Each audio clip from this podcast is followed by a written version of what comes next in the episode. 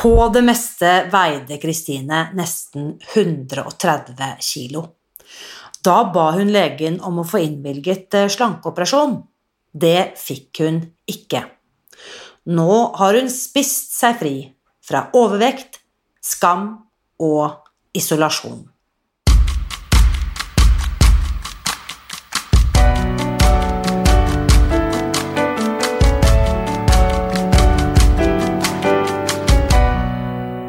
Mitt navn er Irina Li. Jeg er journalist og forlegger, gründer og sosialentreprenør. I 2015 spiste jeg meg fri fra overvekt og fedme etter å ha slitt med vekt, kropp og følelser i nesten 30 år. Etter at jeg fant oppskriften på å spise meg fri, ga jeg meg selv et nytt oppdrag å dele denne kunnskapen med alle som trenger det. I første sesong av denne podkasten deler jeg hele lydboken eh, Spis deg fri. Den finner du ved å bla deg tilbake til høsten 2019. Og hver uke inviterer jeg nå gjester som gir deg påfyll til hodet, hjertet og magen. For min visjon er å endre Helse-Norge, og det får jeg ikke til alene.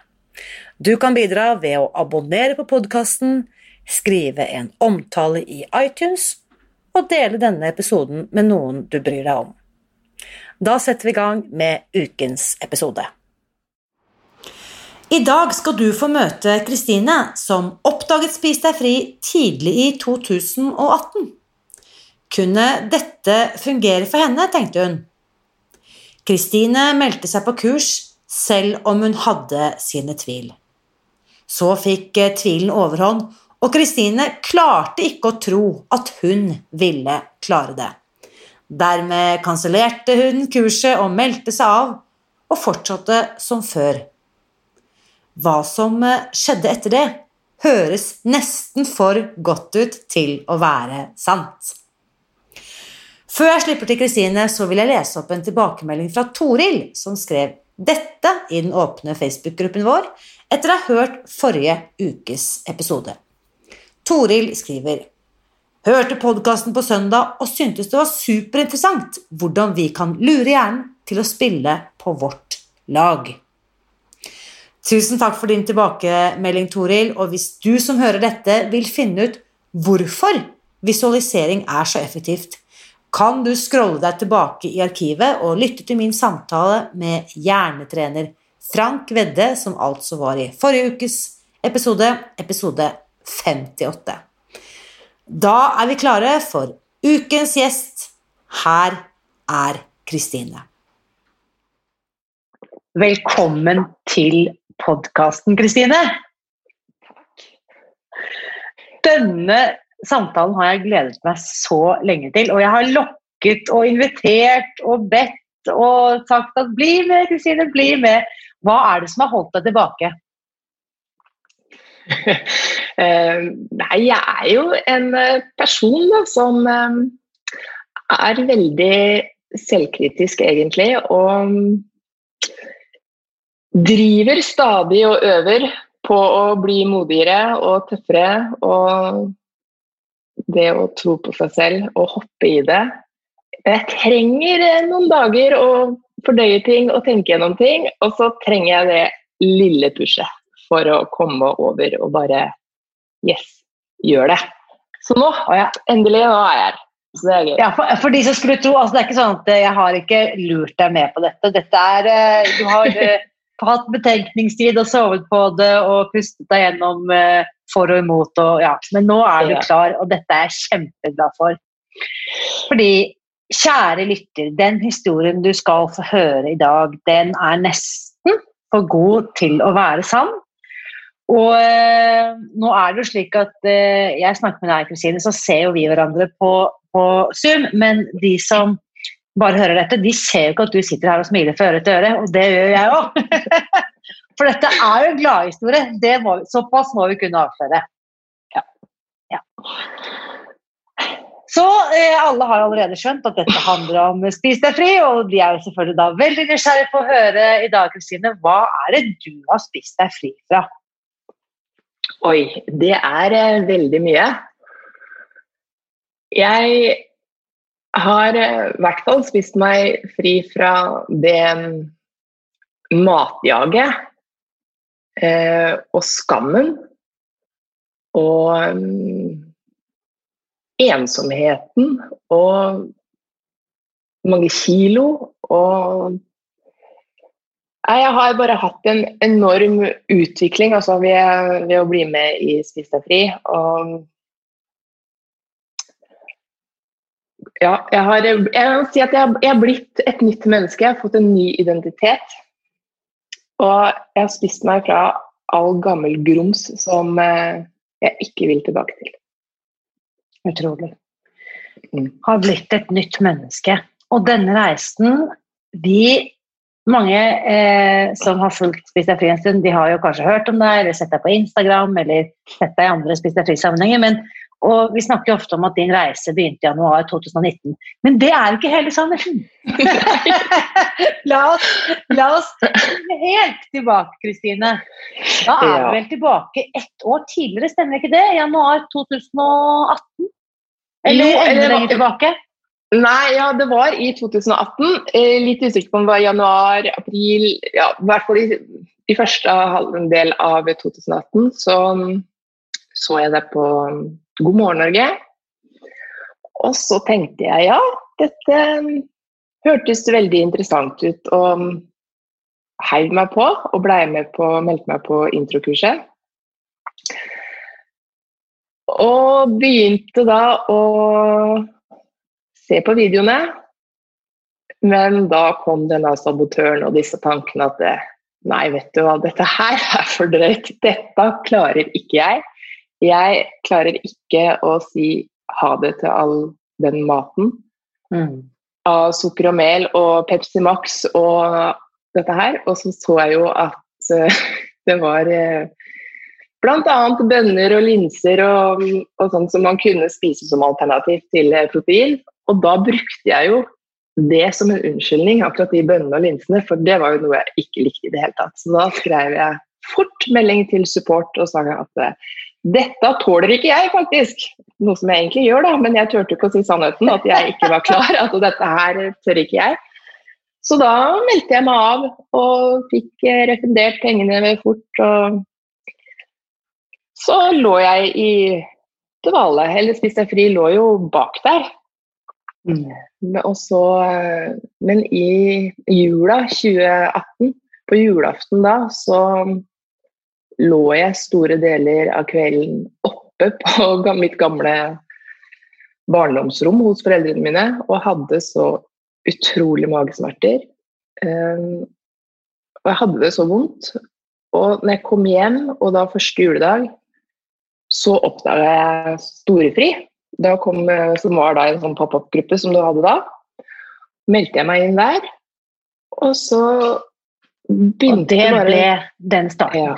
Jeg skal bare stoppe deg litt der, Kristine. For grunnen til at jeg eh, stopper litt og dveler litt ved den hva skal vi si, start nummer én, det er mm. at dette er det så mange som kan kjenne seg igjen i. Fordi at da, på det tidspunktet, første halvdel av 2018, da var du la meg spole tilbake, nå er du 41, da var du 38 år. Og da hadde du en god del år med overvekt og, og tankekjør og tunge tanker med deg i bagasjen. Mm. Kan du si litt noe om hvor du kommer fra? Altså hvor, eh, hva veide du på de tyngste? Hva er det vi snakker om? Hvem var gamle Kristine? Hvor lenge har du slitt med overvekt? Jeg begynte å legge på meg i eh, ungdomstiden og tidlig voksen alder. Eh, og vekten bare økte og økte. Og man hadde det litt trøblete i den tiden, og som gjorde da at man spis, jeg spiste på følelser. Eh, og kiloene bare la seg på, og jeg ble mer og mer isolert, egentlig, fra venner og Kjente at skammen kom etter hvert som kiloene kom. Mye selvtillit og selvfølelse ble dårlig. Ble mer usikker. Og på det verste da, i 2002 eller 2003, jeg er litt usikker på, men rundt der, så var jeg nesten oppe i 130 kg. Og da husker jeg at jeg var hos legen og spurte faktisk om noen slankeoperasjon. Men da fikk jeg beskjed om Eller jeg var akkurat på grensa til å kunne få noe statlig støtte. Eh, og da husker jeg at jeg fikk eh, noen tabletter som jeg begynte på, men dem gikk jeg bare på ikke mange ukene, for den ble stoppa. for det var noen nye tabletter som kom, og de ble stoppa. Men så begynte etter hvert Eller jeg blei gravid, og så blei kiloene etter eh, at jeg fødte sønnen min, så når jeg begynte å amme, så gikk en del kilo av. Men på det tyngste så veide jeg 130 kilo. Rundt 129-130. Mm. For de som har vært eh, i den type vekt, vet jo hvor smertefullt det er å sitte fast i den kroppen. Men for de som kanskje ikke har vært hva skal vi si, så tunge, kan du beskrive noe av hvordan kjennes det ut rent fysisk å ha en så stor kropp? Nei, det er Jeg visste jo på en måte, tenkte jo kanskje ikke så veldig mye over det da, for da var jo det det jeg på en måte var vant med å bære på rundt, og det var tungt å gå i trapper. Det var tungt å gjøre fysiske ting, men samtidig så var det tungt å vise seg offentlig. Fordi jeg Jeg skamma meg så fælt, men eh, Nei, jeg vet ikke. Jeg husker fra min egen tid da jeg var på mitt tyngste, så var det noen sånne bevegelser jeg gjorde. Jeg liksom dro alltid ut Du vet, nå sitter vi, Du ser meg jo på skjermen. Jeg kan sitte og dra den genseren liksom ut foran magen, så ikke liksom mm. valkene skulle synes. Mm. Vet, du, vet, du, hva jeg mener? Ja, ja, ja. ja. Eller hvis jeg så på Ja, unnskyld. Eh, fortsett ene. Ja, og det Nei, men bare det å bøye seg ned og knyte skolisser, ta på sokker ta ut og opp og ned av vaskemaskin. og det er den eh, Jeg kunne jo ikke sitte med beina i kors, det kom jeg på nå. Det var jo noe jeg aldri kunne gjøre. Og lår som gnissa mot hverandre, og varme og utslett og Ja. Svett mellom valkene på magen og mm. Jeg husker også jeg prøvde, og jeg vet ikke hvem jeg trodde jeg lurte, men uh, hvis jeg hadde sittet i et flysete, så når jeg åpnet den flyspennen, så prøvde jeg alltid å For den sto liksom alltid nærmest på det ytterste. Så mm. dro jo alltid den spennen litt sånn tilbake. Mm. Sånn at når jeg la fra meg den spennen, så skulle det ikke se ut som om, om det var på det ytterste hakket. Skjønner du hva jeg mener? Mm. Ja. Og det, og jeg, på, jeg, husker jo alltid jeg tenkte på at eh, hvis jeg skulle sitte på med noen andre Er det plass til meg i baksetet? Bør jeg sitte foran? Så det var, er mange sånne ekstra tanker man, mm. som dukker opp. da, Man må forberede seg. Og så er jeg jo veldig høy. Jeg er jo 1,84. Og det er mange år som ikke tenkte at jeg veide så mye, fordi jeg kanskje bar vekta mi litt. da, på, på grunn av høyden og med klær og Nei, det var Ja. Mm. Så da er vi fremme ved desember 2019. Du har feiret uh, Unnskyld, til desember 2018. Du har feiret jul hjemme hos foreldrene dine. Du har sett denne. Uh, og, og, det er jeg så glad for at du også sier, selv om du på en måte i første halvdel av 2018 meldte deg på, fikk kalde føtter, meldte deg av, og jeg sier jo også det. Du trenger overhodet ikke ha noen grunn, for jeg kjenner meg så utrolig igjen i den følelsen. Jeg vil jo at de som tester dette, skal ikke føle at de må verken forsvare eller forklare hvis de finner ut at det er feil, for det passer jo ikke for alle. Og det passer ikke alltid for alle, alltid.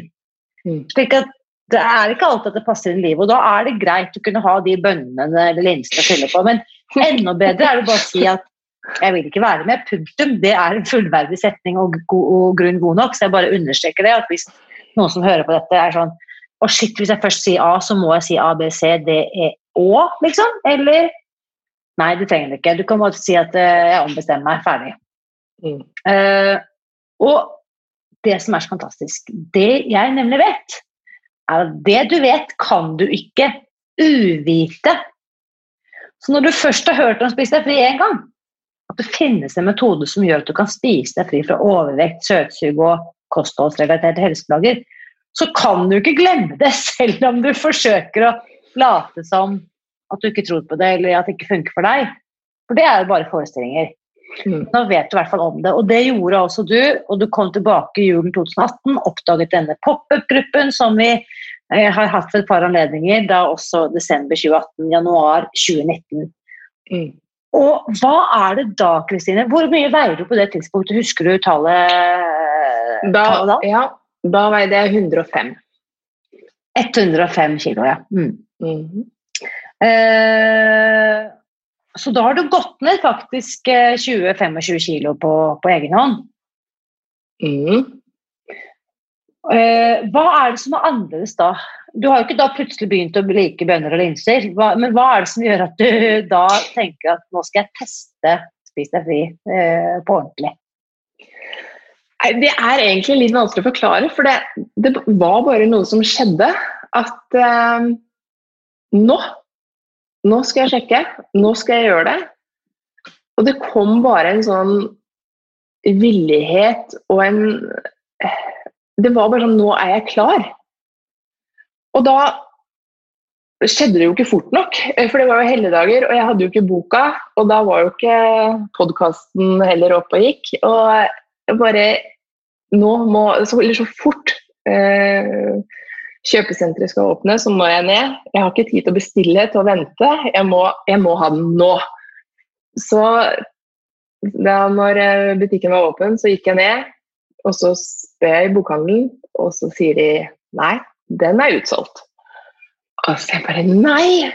Men så kom det ei annen som jobba i butikken der, som sier men jeg syns jeg så en sånn oransje bok i en hylle et eller annet sted som ikke var på sin rette plass.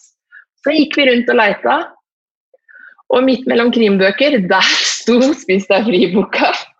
Og det var bare sånn Yes! Og jeg gikk hjem, og jeg starta, og jeg satte meg i sofaen.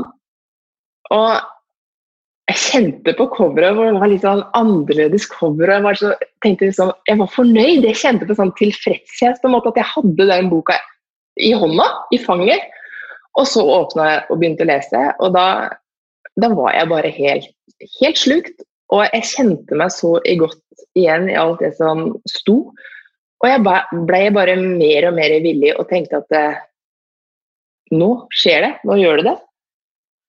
Og det var ikke noe sånn som jeg hører og andre Eller sånn som jeg kanskje tenkte, da, at det ville komme at eh, ja, men jeg begynner i morgen, eller et eller annet. Da var det sånn Nei, jeg begynner nå.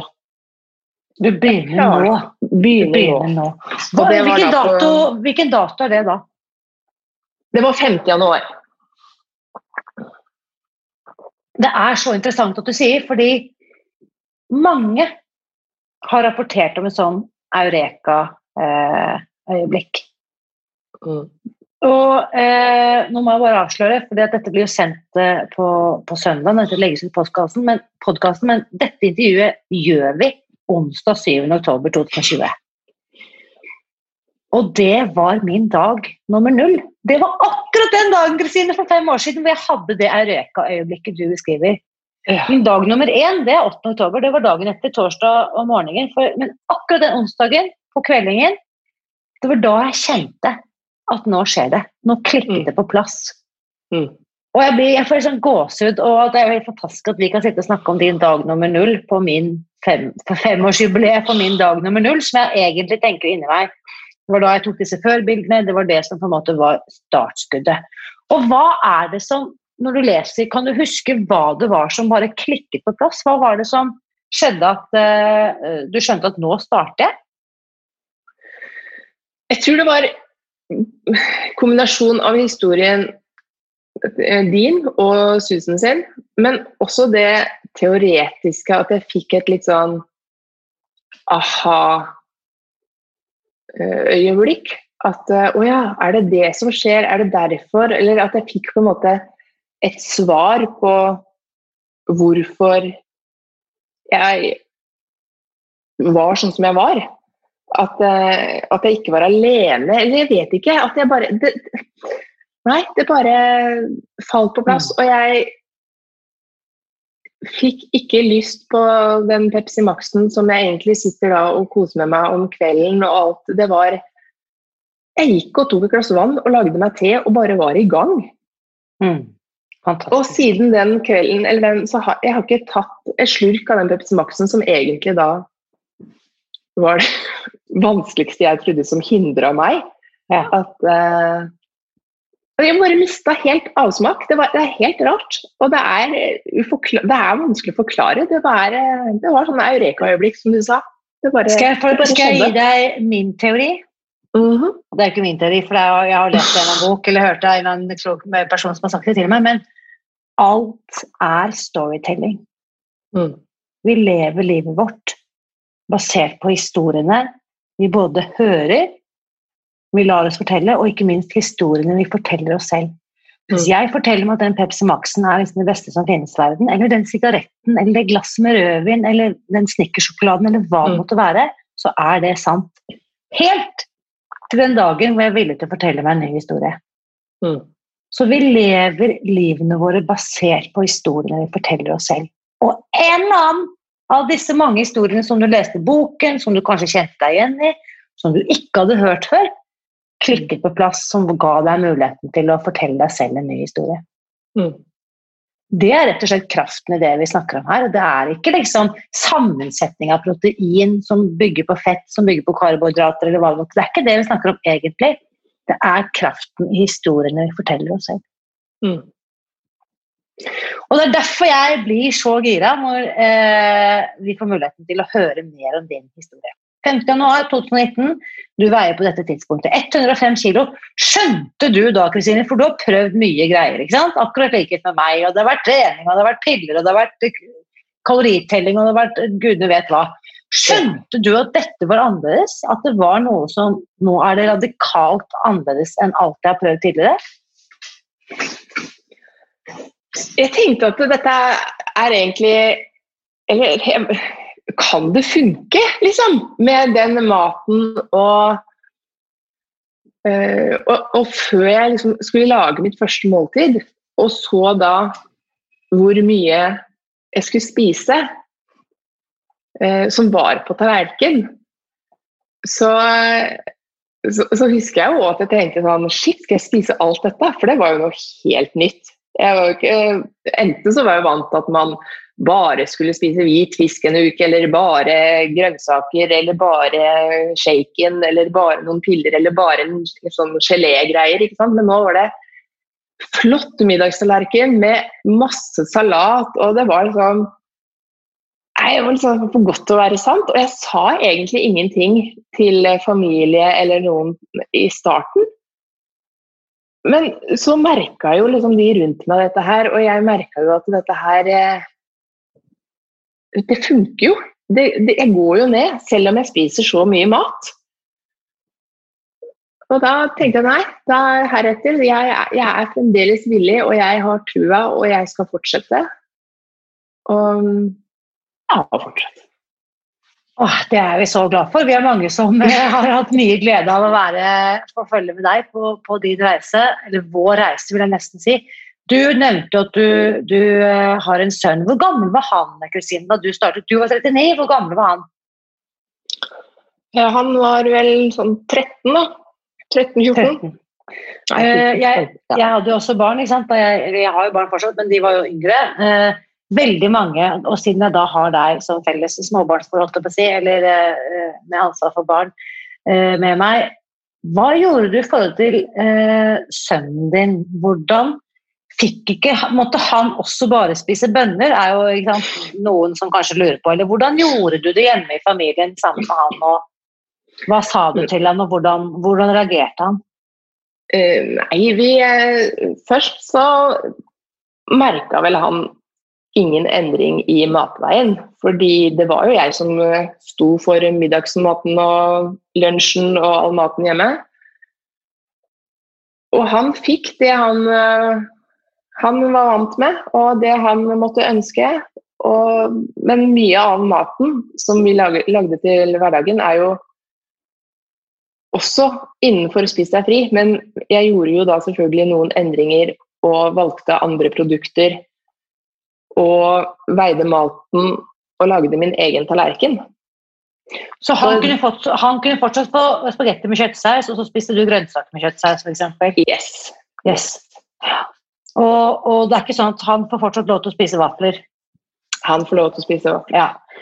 Hva syns han? Eh, hvilke spørsmål hva er det han har vært nysgjerrig på? Hvordan, eh, hva er det han har spurt om?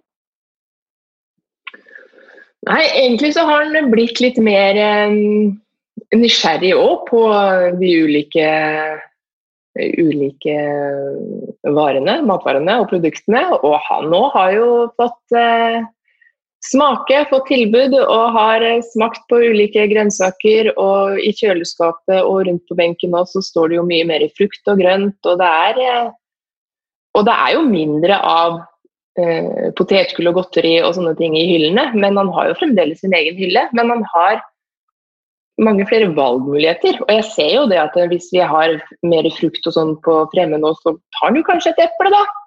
Eller han eh, og jeg, jeg tror han synes, eller han, Når jeg lager nye retter, så han, er han veldig klar for at han vil smake. Noen ganger så liker han det kjempegodt, og da blir jo det lagd flere ganger. Andre ganger så syns han det var veldig spesielt, men det er helt greit. Da får han mm. som vanlig mat tilbake neste gang. Um, Nei, og jeg vet jo også, jeg må jo bare da også få lov til å fortelle at han lager jo mat til mor, og vet jo da akkurat hvordan mat du skal ha. Og jeg har ja, sett ja, ja. de, de rettene han har uh, preppet for dere, det er jo så rørende å se. Eh, snakk om uh, morskjærlighet der, altså. Eller begge veier. Ja. ja. Nei, så han har blitt veldig interessert i å lage mat, han òg, og det er gøy. Det smitter, fordi jeg har jo blitt sånn Kose meg masse på kjøkkenet og kose meg med å lage mat, planlegge mat og nyter synet av en ferdig middagstallerken. Og, og, når man har matglede, det smitter over. Jeg skulle akkurat si det, Matglede er jo kanskje noe av det jeg er mest glad for at jeg kan gi til barna mine. Og det du sier liksom, med det store, fargerike, bugnende tallerkener, stort utbud av sunne, vakre, smaksrike ting. Mm. Uh, og sant, Hvis du ser mye rundt deg, så er det jo nesten noen barn spiser nesten bare hvit mat. ikke sant? Mm. Som ikke verken har næringsinnhold eller bygger, eh, bygger eh, Lager de byggesteinene som kroppen trenger da, i den fasen. Så jeg er mm. veldig fornøyd eh, med å høre at flere barn har mødre som deg og meg. Det er veldig, veldig bra. Vi er på 5. januar, du har startet, du er i gang, leser bok, lager mat, drikker te. og utforsker både innsiden og utsiden av dette greiene her. Mm. Bare la oss ta sånn uh, rask oppsummering av resultatene du får. Uh, først lurer veldig mange på hvor mange kilo har du gått ned, Kristine? Sammen nå så er jeg på uh, eh, 31-32. Det går litt opp og det går litt ned, men jeg holder meg rundt, rundt der. Ja. Mm. Så, og da vil det også si at du ble normalvektig. Voksen, var det også for deg i første gang i voksen alder at du var normalvektig? Ja. ja. Og det skjedde da sommeren 2019? Det skjedde april 2019. Gikk du ned 30 kilo på Nei, du ble normalvektig i april. Normalvektig. Uh, I april 2019, og det har du vært siden. Uh, og... 20 kilo fra 5. januar til 9. april. 5. januar til 9. april. Uh, utrolig imponerende tempo på den vekten den gangen der. 9. april. Mm. Eh, 20 kilo, og så gikk det ned ytterligere 10-12 kilo. Eh, og eh, du var på en måte ferdig med din vektnedgang eh, sommeren 2019. Mm. Eh, mange har jo fulgt deg på, på Instagram, eh, Kristine, hvor du deler også både fra reisen din, men også bilder av maten du, du lager.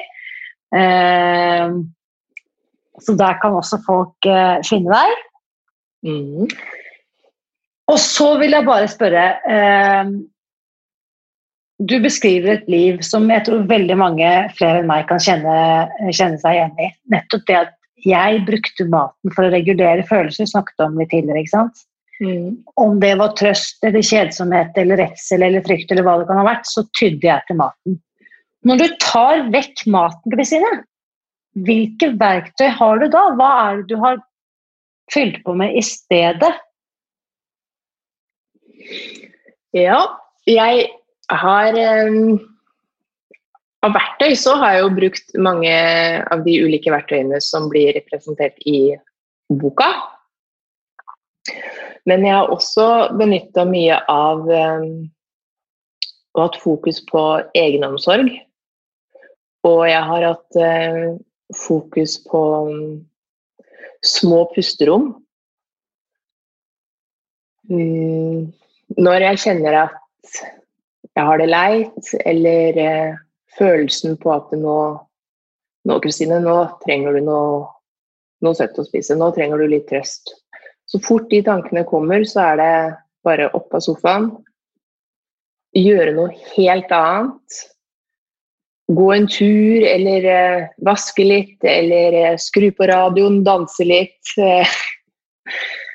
og, og da blir det bare da, da går det greit. Og da mm. kommer de andre tankene bort og tenker at nei, du trengte ikke den trøsten eller den uh, sjokoladen eller et eller annet. Du trengte bare det å ta en pustepause. Eller mm. ta en telefonsamtale og prate med en uh, god venninne, eller For det tar ikke lang tid fra den tanken dukker opp, da. Du må bare gjøre en annen handling, i hvert fall for meg. Jeg husker deg veldig godt, for du meldte deg på dette grunnkurset i januar 2019. Mm. Og jeg husker deg godt, for du var med på en del av disse veiledningsmøtene som vi hadde hver uke. Mm. Og du beskrev noen utfordringer du hadde i møte med en uh, venninne, bl.a. Eller en bekjent av deg. Mm. Uh, jeg tror du vet hvilken episode jeg viser til. Som, hun ja. hadde jo veldig sterke meninger Kristine, om det du holdt på med. Uh, og du gikk jo, ikke sant, som du beskriver her, 5. januar til 9. april gikk du ned 20 kilo, så det gikk jo mm. veldig fort. ikke sant, Så det var kanskje muligens at hun også var bekymret for deg, eller eh, på en måte litt redd for hvor blir det av Kristine nå, hva skjer her egentlig? Og hun hadde ja. kommet med en del eh, kommentarer og tilbakemelding til deg eh, om hva du burde og ikke burde gjøre. Fortell litt om denne episoden. Ja, for jeg begynte jo da, Siden jeg begynte da i januar, og jeg var jo da jeg er jo den som har skjult meg veldig godt i klær. Og hadde store kalgen og jakker og skjerf og alt som var. Men eh, i april, eller når påska kom og det begynte å bli varmere, så husker jeg at jeg tok av meg en stor jakke. Og en genser under den jakka igjen, fordi det var så varmt. Og jeg gikk da i bukse og T-skjorte. Og da kom den reaksjonen som et sjokk på henne, tror jeg, når hun så For da på en måte så hun alle de kiloene jeg hadde gått ned, og så min nye kropp som jeg hadde skjult så godt. Og hennes reaksjon da var at eh, Kristine, nå ser vi jo gjennom deg, nå må du slutte, og hva er det som skjer? Og jeg husker hun døtta meg inn eh, på toalettet for, vise, for at jeg skulle se meg sjøl i speilet. Og, og, det føltes veldig vondt, eh, og jeg blei helt satt ut. Eh, og jeg husker at jeg kom tilbake på um, grunnkurset eh, når jeg kom hjem og jeg hadde livemøte og jeg fortalte dette. Og jeg syntes det var så leit, for egentlig så var jeg så stolt. Så jeg venta jo på en måte på en helt annen reaksjon.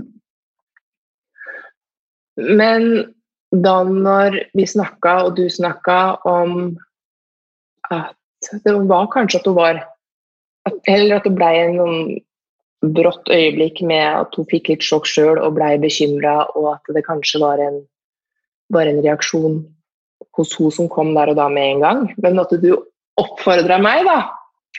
At jeg burde kanskje ta en prat med personen og fortelle hvordan jeg opplevde det. Og det syns jeg jo var helt sånn Nei, nei, nei, nei, det tør jo ikke jeg! Lille meg som skal begynne å spørre om en samtale og prate. Og det var kjempeskummelt for meg, for det var ikke noe jeg um, hadde turt Eller nei, det var Jeg husker jeg bare gikk sånn Nei, nei, nei. Men utover kvelden, da når jeg fikk fordøya det litt, så tenkte jeg jo kanskje det er uh, kanskje jeg bør gjøre det. Og jeg husker jeg liksom bestemte meg da på kvelden at jo, i morgen så skal jeg ta den praten dagen etter. Og like før så husker jeg at jeg sendte meg Eller sendte Nei, jeg skrev inn i gruppa at nå skjer det. Nå trenger jeg dere i, i bakhånd. hei på meg, tenk på meg. Og jeg gikk inn og jeg tok den gode samtalen, som blei god, da. Og hun Det var jo sånn, som du òg hadde fortalt, Irina, at uh, hun blei bekymra, og hun, det gikk som et sjokk. Og hun òg hadde kjent på den følelsen at hun hadde overreagert, og at det kanskje hadde vært sårende vondt for meg. Og vi gråt litt, og tårer, og vi klemte. Og det var veldig godt. Og jeg husker at jeg bare måtte forte meg ut etterpå fra den samtalen. Tok opp kameraet, noe som jeg heller aldri hadde gjort. Å drive og filme meg sjøl foran kamera. Og står oppi veien der og bare roper ut i pur mestringsglede og kick og alt som er. Og bare Det er så deilig, husker jeg sier. Og det var Og den følelsen, den den var stor, altså. Og det er den følelsen òg som jeg har levd litt på i ettertid. Eh, at når jeg har lyst til å prøve å øve på nye ting. Fordi eh, den er så god. Her må jeg bare, ja, er, å, jeg blir bare så stolt og rørt imponert. fordi sant, igjen, og Dette er nok et eksempel hvor jeg på en måte har lokket og lurt deg litt på noe du kanskje ikke var klar over. Og det er noe av det vi kanskje noen tenker at på grunnkurset så lærer vi å telle kalorier og lage mat og sånn og sånn. Ja, du gjør det òg, eller vi teller ikke kalorier, men vi veier maten. Mm. Men det som er mye viktigere, er akkurat det vi snakker om her. Hvordan mm. eh, jeg og andre som er med på kurset, kan hjelpe til å høre hva du kanskje egentlig trenger. Mm. Kanskje er det ikke liksom nye klær for å skjule hva som egentlig skjer. Det er ikke det som kanskje er behovet ditt. Kanskje behovet ditt er for det du gjorde her, Kristine, er jo rett og slett grensesetting. Ja. Grensesetting. Og veldig mange, når de hører ordet grensesetting, så er det sånn Nei, det får du ikke lov til. Her går mine grenser. Ja, det kan også være grensesetting. Av og til må man både slå i bordet og skrike og slå og hva som verre er. Men det kan også bare være sånn å si at Kristine, det som skjedde i går, syns ikke jeg var ok. Det føltes ikke bra for meg. For det som skjer da, det er at jeg kan ta den sorgen eller skuffelsen eller redselen min og faktisk sette ord på den. Slik at lille-Irina føler at store-Irina faktisk står opp for meg og tar vare på meg. Og når jeg begynner å tørre å sette ord på hvordan jeg har det i møte med andre mennesker, så slipper jeg å spise ned den sorgen eller skammen eller redselen. Og det tenker jeg er så fint at vi får satt ord på. Ja, vi tar vekk én strategi, nemlig å døyve eller numme følelsene våre med mat. Men vi sørger også for å ivareta oss selv på en mye sunnere på bedre måte. Og dette har du hørt meg si før, Kristine, at når jeg ikke setter grenser i møte med andre, så blir jeg grenseløs i møte med meg selv. Men det er jo det som er så fantastisk i å måte være vitne til og få være med på reisen din, at du har satt grense til grense. Og det der var jo bare altså Det var jo som å se deg på énmeteren stå der på svikt på den hoppkanten, ikke sant? og så bare å, shit, shit, shit, skal jeg gjøre det? Så bare hopper du uti. Og så blir du bare helt tatt av den sinnssyke mestringsfølelsen, det kicket du beskriver. Mm. Så nå er jo du oppe og hopper på tieren og oppe og nikker hele tiden. og gjør ting du egentlig ikke verken tør eller er klar for, tror du, da, men så gjør du det likevel. Så gjør jeg det. Ja, jeg øver, og det er, eh, og det er jeg glad for. Det vi skal, og det er jeg også veldig glad for, fordi at det, det som er så fantastisk, når du gjør ting du ikke tør, så kommer det så mange andre mennesker til gode. Det ikke kanskje alle vet, er at da jeg i 2019, det er vel omtrent akkurat et år siden, bestemte meg for å gi ut kokeboken, den offisielle kokeboken for å spise deg fri, denne grønne, fine, eh, sunne, fargerike kokeboken, så var du en av de som meldte deg til tjeneste og bidro, for vi har sammen med denne kokeboken finnes det et videobibliotek hvor du har vært med å lage videoer, ikke bare hjemme på ditt eget kjøkken, men du har også hjulpet mange andre kvinner rundt i hele Norges land, og til og med oss i Sverige, til å lage og redigere disse videoene. Slik at tusenvis nå kan få glede av den eh, kokeboken, også audiovisuelt, for å kalle det Ja. Du har vært med i mange kursrunder som frivillig. Og nå også er du med som i teamet som hjelper de som er med på grunnkursen som startet nå i september. Og det er jo så utrolig kult, Kristine, at én ting er at du har funnet dette for din egen del, eh, med alt det det har gitt deg, men du bidrar også hver eneste dag på å dele denne kunnskapen med, med flere andre. Det er helt eh, snakk om å liksom du beholder det du selv har fått, ved å gi det videre. Ja, og jeg, jeg, jeg syns det er eh, Det er veldig givende, og det er Jeg blir så glad inni meg, og jeg syns det er så spennende. Og jeg har så lyst at andre òg skal finne Spis deg fri. Og de som finner Spis deg fri, at jeg kan være med og heie de, på de, og følge de og komme med mine tips og råd. Og, og, den, eh, og det å kunne se deres mestringsfølelse òg. Og motet deres som vokser, og, og, den utviklingen de gjør, det er eh, Det gir meg veldig mye, altså. Og jeg syns det er kjempehyggelig å kunne gjøre service og hjelpe til. Det er eh, Jeg koser meg. Det er fantastisk. Her er det ikke ende på, skjønner du, eh, av eh, eh, hyllest, fordi Det som kanskje ikke alle har fått med seg, det er at vi hvert eneste år, eller i hvert fall de to siste årene, da, har kåret den såkalte Frihetsgudinnen inne i våre kursgrupper. Og Eh, I fjor var det vår alles kjære Marianne Helene som eh, snakka med den gjeve tittelen for aller første gang. Årets frihetsgudinne 2019. Eh, vi hadde et intervju med henne tidligere i år, jeg lurer på om det var i januar 2020. Og nå i september så skulle prisen deles ut på nytt. Og alle kan jo være med eh, som eh, har eh, blitt med i denne medlemsgruppen vår. Og i den eh, for å kalle det søknaden, da. Eh, det var jo flere som oppmuntret deg til å, til å stille her. Eh, og det er ikke noe konkurranse, det er jo mer egentlig en sånn slags hyllest. Så beskriver du noe av resultatene. La meg lese. Du skriver her Du sover bedre om natten. Sjeldnere hodepine og migrene. Stivheten i kroppen er borte. Jeg klarer nå å stå opp om morgenen uten å kjenne på smerter. Magesmerter er betydelig mindre føler meg gladere, har mer energi i hverdagen, har det bedre mentalt og nyter hverdagen. Og så skriver du det som jeg vet gjorde veldig inntrykk på juryen. Jeg må la meg lese her. Det som har betydd mest, er at jeg har blitt kjent med meg selv på en ny måte. Jeg føler nå en integritet over eget liv med god selvfølelse og selvtillit. Jeg har tro på meg selv og møter hverdagen på en ny måte. Jeg gir kroppen egenomsorg hver eneste dag.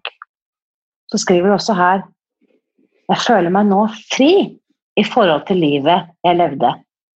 Fri som en sommerfugl, en som kan fly hvor jeg vil, lande hvor jeg vil, ta rette valg, villig sterk, modig nysgjerrig og fargerik. En som nyter friheten i hverdagen her og nå, uten matjag, skjold, begrensninger, skam. Fri. Så i år var det altså Det er helt ufattelig å høre. Hvordan er det for deg å høre det selv, Kristine? Nei, jeg tenker sånn Jøss, yes, har jeg skrevet det? Nei, det er, nei, det er eh, Det er helt sant, og det er eh, Jeg kjenner det er eh, godt å høre, og også få å sette ord på det. Og, for det, det, er virkelig sånn. Det er som om jeg har fått et nytt liv, eh, en helt ny hverdag og en ny identitet. Og alt det jeg på en måte satte sjøl, eller med begrensninger tidligere, som jeg ikke våga å prøve eller trodde jeg kunne, eller Og nå bare våkner opp og gleder meg og syns det er bra, altså. Bare det å kunne gå i eller For å handle, da, som tidligere, så var jeg jo Jeg skamma meg jo over handlevogna. Jeg kunne gå i flere butikker og handle ulike matvarer. Og hvis jeg kanskje så noen tidligere bekjente, så gikk jeg omveier, for jeg var ikke den som likte å stoppe og prate. Men nå så er det sånn er det noen jeg kjenner her? Hvis jeg går med sånne fargerike handlevogner og er stolt over vogna og bare det å kunne Å, hei, er det deg? Eller sånn når jeg møter gamle bekjente og starter samtaler og Nei, jeg, det er bare den tryggheten. Det er vanskelig å forklare, men det er, det er liksom de som kjente meg tidligere, de tro, håper jeg og tror jeg skjønner hva, hva jeg sier, men uh, fordi jeg, Siden jeg refererer til sommerfugl, da, så er det mer at jeg har sett på den, hele den reisa her som en metamorfose.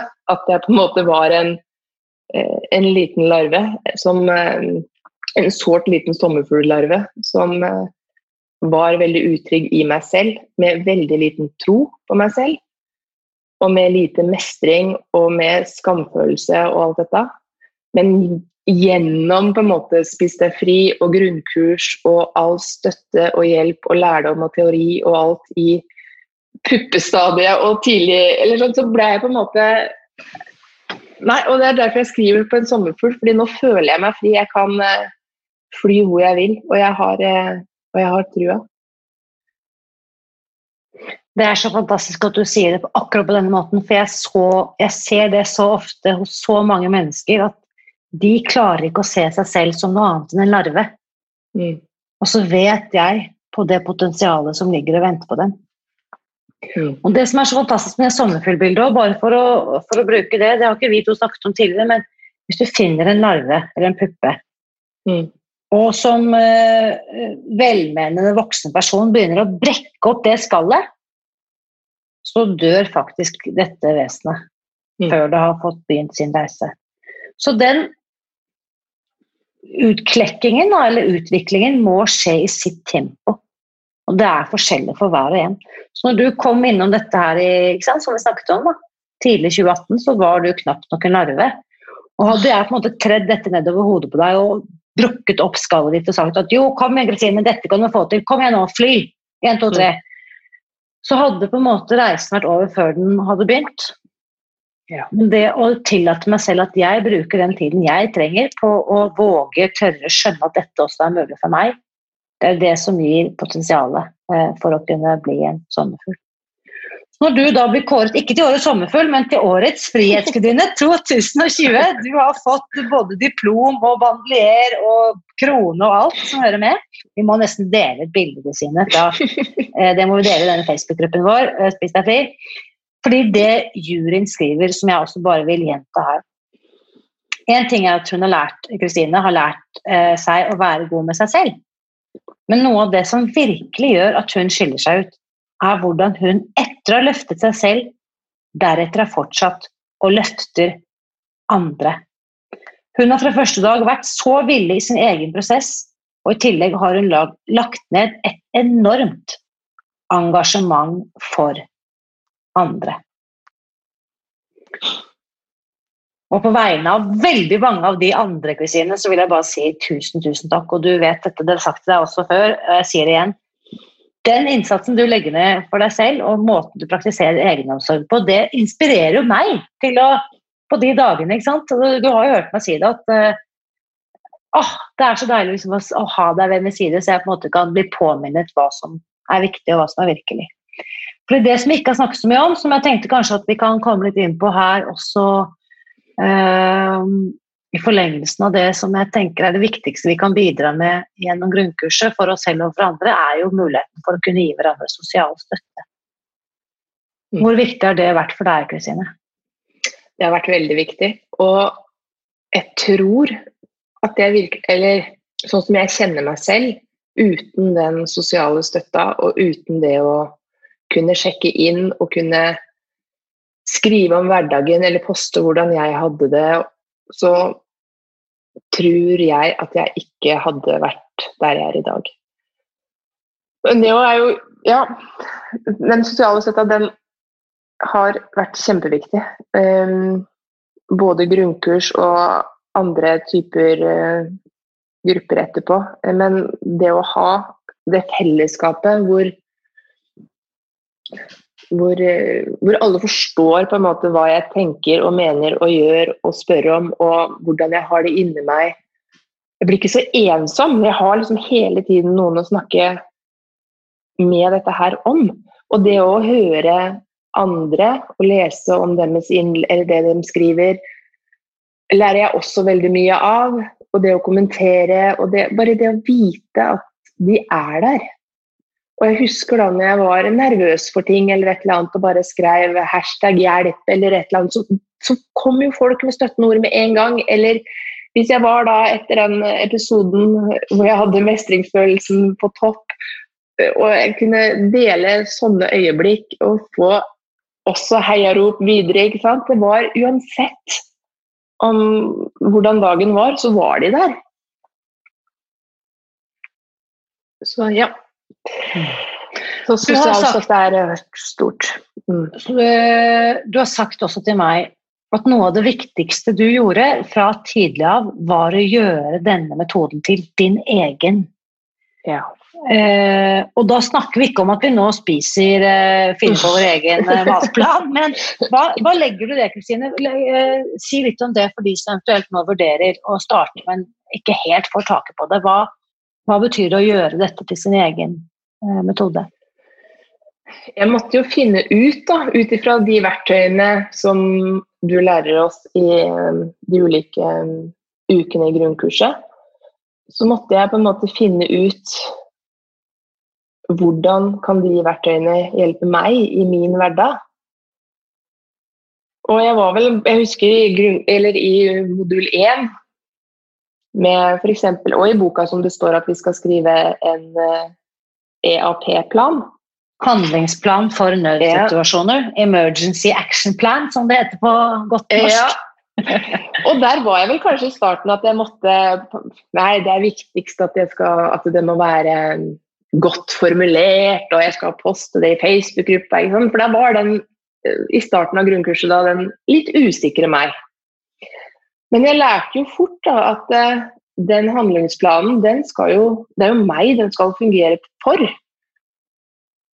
Og når jeg først da fikk gjort om eksempel, eller for jeg hadde fem punkter, og hvis jeg fikk gjort om de to øverste punktene til å handle om meg, om hva som hjalp meg når jeg på en måte følte at jeg sto i en litt sånn nødsituasjon. Og så automatiserte jeg de to, og de var så, så enkle som én reis deg opp, gjør noe annet. Og to Skru på radioen, dans deg ut av kjøkkenet. Og når jeg automatiserte de to tingene, de to handlingene, det var det jeg skulle gjøre når måte situasjonen var der. Så til slutt så bare gjorde jeg det helt automatisk. Fordi det var enkle setninger som jeg klarte å lære meg utenat, som bare, som bare blei en del av hverdagen som om å pusse tenna, på en måte. Yes. Så, og, og, og, ikke minst, det, det var nærliggende, for det var noe som Kristine var mm. naturlig for Kristine å gjøre. Og så, mm. Uansett hvordan det så ut på trykk når du delte denne planen i Facebook-gruppen. Mm. fordi det er liksom som du sier, Vi har jo en tendens, flere av oss, da, uten å nevne navn, til å ville være flinke piker, imponere, være best i klassen, mm. bla, bla, bla. Men her var det bare snakk om hva er det jeg trenger når en nødsituasjon mm. oppstår i min hverdag. Og det er så mm. fantastisk.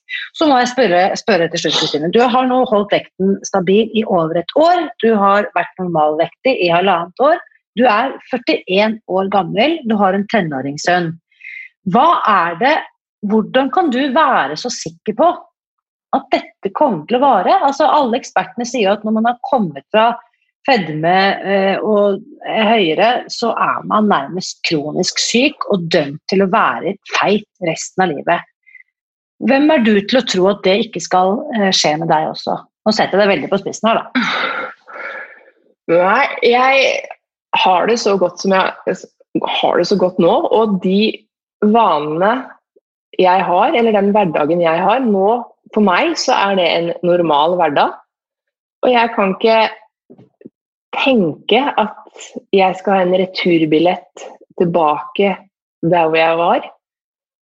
Og jeg har ikke det suget. Jeg har ikke den, det draget mot bakevarer eller uh, annet salt eller søtt. det er ingenting. Og det er liksom, jeg kan fint lage kaker og bake og sånn for andre, eller være i bursdag. Men det er ikke noe sug. Jeg har ikke lyst på det jeg har lyst på fine, det fine måltidet med masse deilig salat og annet protein. Det er liksom, for meg så er det, det er blitt min vanlige hverdag nå. Og hvis jeg skal i bursdagsselskap eller skal andre steder eller skal til familien, så er jeg på en måte jeg står Eller nå, de, de også har på en måte blitt vant til den, hva jeg spiser, så det er ingen som legger merke til lenger at jeg har med meg annen mat, eller har med meg en vekt, eller spør først hva som skal bli servert. Det er bare det, det har blitt det normale, både mm. for meg og de rundt meg. Så jeg tror det liksom skulle være helt unormalt nå om jeg plutselig skulle hive meg over en godteskål. For det, det er liksom ikke aktuelt. Så eh, du har helt andre strategier rett og slett for å ta mm. vare på deg selv. Eh, på mm. godt og vondt. Eh, og det betyr jo ikke at alle dager bare er dans på kjøkkenet. Det er jo absolutt, det vet vi jo begge to, både opp- og nedturer og ikke minst, som dette året også har minnet oss om, at har, det er mye vi ikke har kontroll over. Men for denne Kristine 38 som hører dette nå, hun liker ikke bønner eller linser og er strengt tatt skeptisk. Hun har jo små barn i huset, hun har jo en ansvarsfull jobb. Hvordan skal dette gå? Eh, hva vil du si til den Kristine som nå sitter oktober 2020 og hører dette, eller senere? Eh, hva er det Kristine trenger å høre for å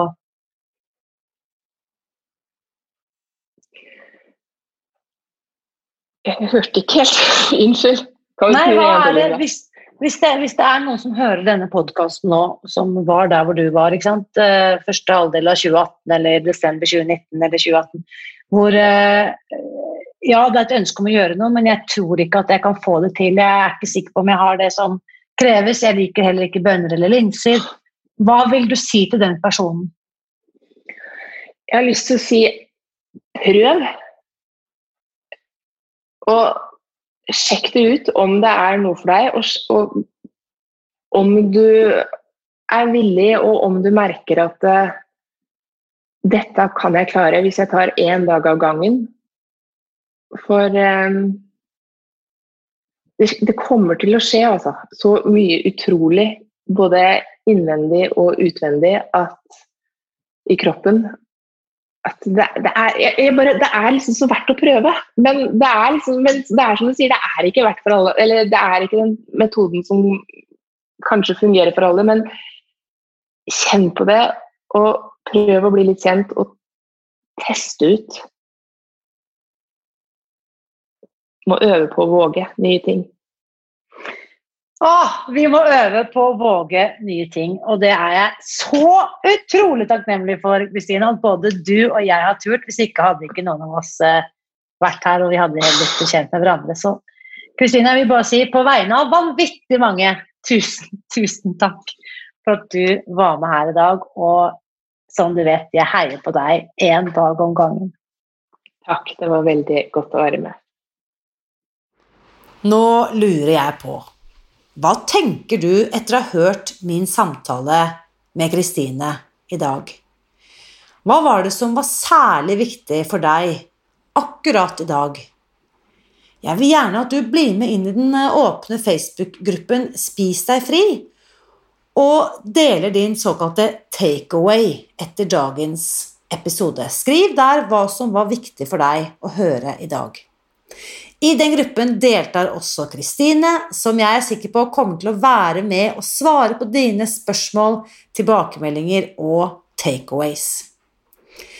Inni denne Facebook-gruppen så kommer jeg også til å legge ut noen før- og etter-bilder som Kristine har delt med meg, og som kanskje kan inspirere deg på din vei videre.